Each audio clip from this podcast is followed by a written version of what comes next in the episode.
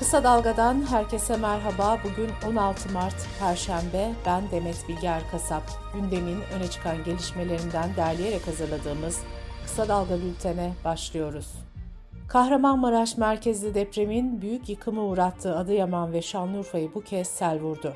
Felakette en az 10 kişi yaşamını yitirdi. Kentlerde ev ve araçlar su altında kaldı. Ekili tarlalar zarar gördü. Vatandaşlar su basan evlerini ve çadırlarını kendi imkanlarıyla tahliye etmeye çalıştı. Şanlıurfa'da Eyyubiye Eğitim ve Araştırma Hastanesi'nde su bastı, hastane tahliye edildi. Urfa'da Bozova, Karaköprü ve Hilvan ilçelerini birbirine bağlayan karayolundaki bir köprü sel nedeniyle çöktü. Malatya'nın Doğanşehir ilçesinde derenin taşması sonucu sel meydana geldi. İlçe merkezindeki çadırları ve evleri su bastı. İçişleri Bakanı Süleyman Soylu sel felaketiyle ilgili yaptığı açıklamada yollar açık, elektrik su var, tedbirlerimiz ve uyarılarımız devam ediyor. Dere yataklarının etrafında bulunmamak gerekir dedi. CHP Grup Başkan Vekili Özgür Özel ise çadırların su altında kaldığını belirterek tepkisini şu sözlerle dile getirdi. Bu çadırlarda kalan depremzedelerin evleri yanlış yerlere yapılmıştı. Şimdi görüyoruz ki çadırları da yanlış yere kurulmuş. Cumhurbaşkanı Recep Tayyip Erdoğan dün partisinin grup toplantısında yaptığı konuşmada deprem bölgesindeki çalışmaları anlatırken yıkıntılar altında kalanlar ve yakınları serzenişlerinde sonuna kadar haklıdır dedi. Erdoğan konuşmasında yıkım öylesine büyüktü ki her binaya tek bir arama kurtarma personeli bile göndersek aynı anda hepsine yetişebilmek mümkün değildi ifadesini kullandı. Depremin ağır yıkıma yol açtığı Hatay'ın valisi Rahmi Doğan, Sivas milletvekili aday adayı olmak için görevinden istifa etti. Cumhurbaşkanı Yardımcısı Fuat Oktay, Türkiye Tek Yürek kampanyasında taahhüt edilen 115 milyar liranın 74 milyar lirasının yatırıldığını söyledi. Fuat Oktay, toplanan yardımın her kuruşu afetzedeler için kullanılıyor dedi.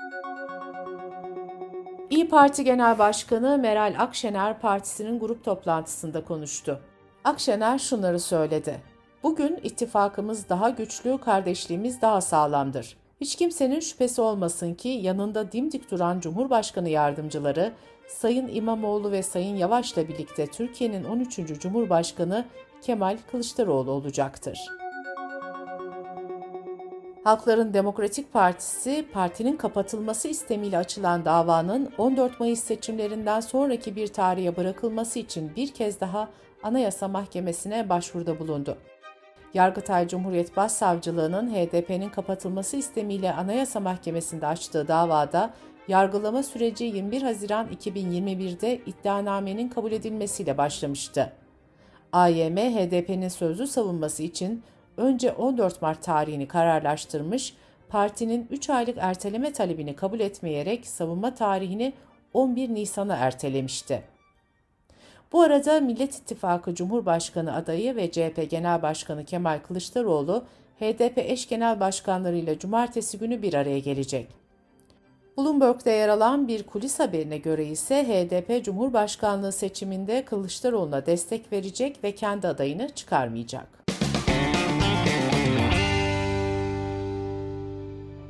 Kısa Dalga Bülten'de sırada ekonomi haberleri var. Birleşik Metal İş Sendikası açlık ve yoksulluk sınırı araştırmasının sonucunu açıkladı. Araştırmaya göre açlık sınırı 9234, yoksulluk sınırı ise 31939 lira oldu. Hazine ve Maliye Bakanlığı Şubat ayına ilişkin bütçe uygulama sonuçlarını duyurdu. Şubat'ta bütçe geliri geçen yılın aynı ayına kıyasla %19.1 oranında azalarak 218 milyar 828 milyon liraya geriledi. Bütçe giderleri ise %93.9 artışla 389 milyar lirayı aştı. Merkezi yönetim bütçe dengesinde Ocak ayında 32 milyar lira olarak gerçekleşen açık, deprem felaketini yaşandığı Şubat ayında vergi gelirindeki düşüşle 170 milyar liraya yükseldi. Bu oran 2006'dan beri kaydedilen en yüksek aylık bütçe açığı olarak kayda geçti.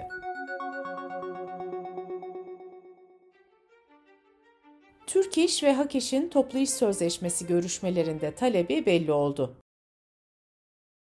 İki konfederasyon 700 binden fazla kamu işçisini ilgilendiren sözleşme görüşmelerinde taban ücretlerin bürüt 15 bin liraya yükseltilmesini, bütün ücretlere %15 refah payı ilave edilmesini istedi. Türkiye İstatistik Kurumu verilerine göre Şubat ayında tarım ürünleri üretici fiyat endeksi aylık %6.58 artış gösterdi. Yıllık artış oranı ise %127.56 oldu.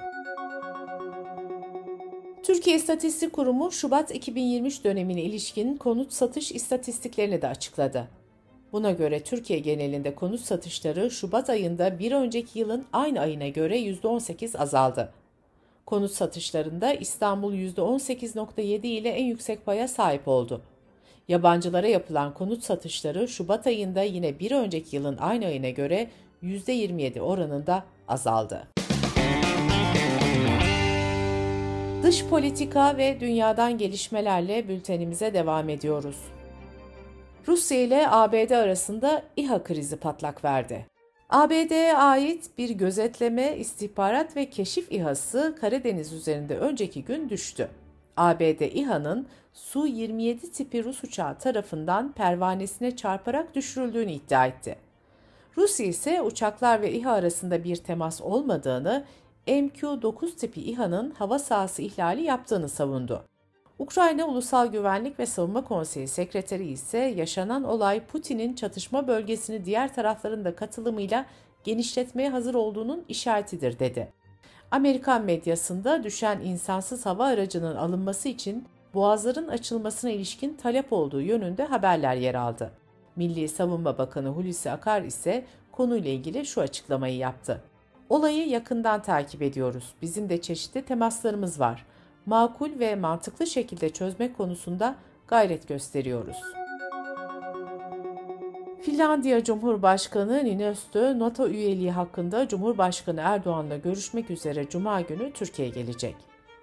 Reuters haber ajansına isim vermeden konuşan iki Türk yetkili, Finlandiya'nın NATO üyeliğinin İsveç'ten ayrı olarak 14 Mayıs'taki seçimlerden önce mecliste onaylanmasının planlandığını söyledi. Cumhurbaşkanı Erdoğan da dün partisinin grup toplantısının ardından Finlandiya'nın NATO üyeliği konusundaki bir soru üzerine süreç neyse o süreci işleteceğiz, cuma günü verdiğimiz sözü tutacağız dedi. İsveç ve Finlandiya Rusya'nın Ukrayna'ya savaş açması sonrasında yıllar süren tarafsızlık politikalarından vazgeçerek NATO'ya üyelik başvurusunda bulunmuştu. Kur'an-ı Kerim yakma eylemlerinin ardından İsveç'le yapılan görüşmeler askıya alınmıştı iki ülkenin üyeliği için NATO üyesi tüm ülkelerin onayı gerekiyor. Suriye Devlet Başkanı Beşar Esad, Rusya'nın başkenti Moskova'ya gitti. Rusya basınına göre Esad-Putin görüşmesinde Suriye-Türkiye arasındaki normalleşmenin de el alınması bekleniyor. Kremlin'den yapılan açıklamada Putin ve Esad'ın görüşmelerinde siyasi, ticari ve insani alanlarda işbirliğinin el alınacağı vurgulandı. Açıklamada ayrıca Suriye ve çevresindeki meselelerin kapsamlı şekilde çözümüne yönelik perspektiflerin tartışılacağı duyuruldu.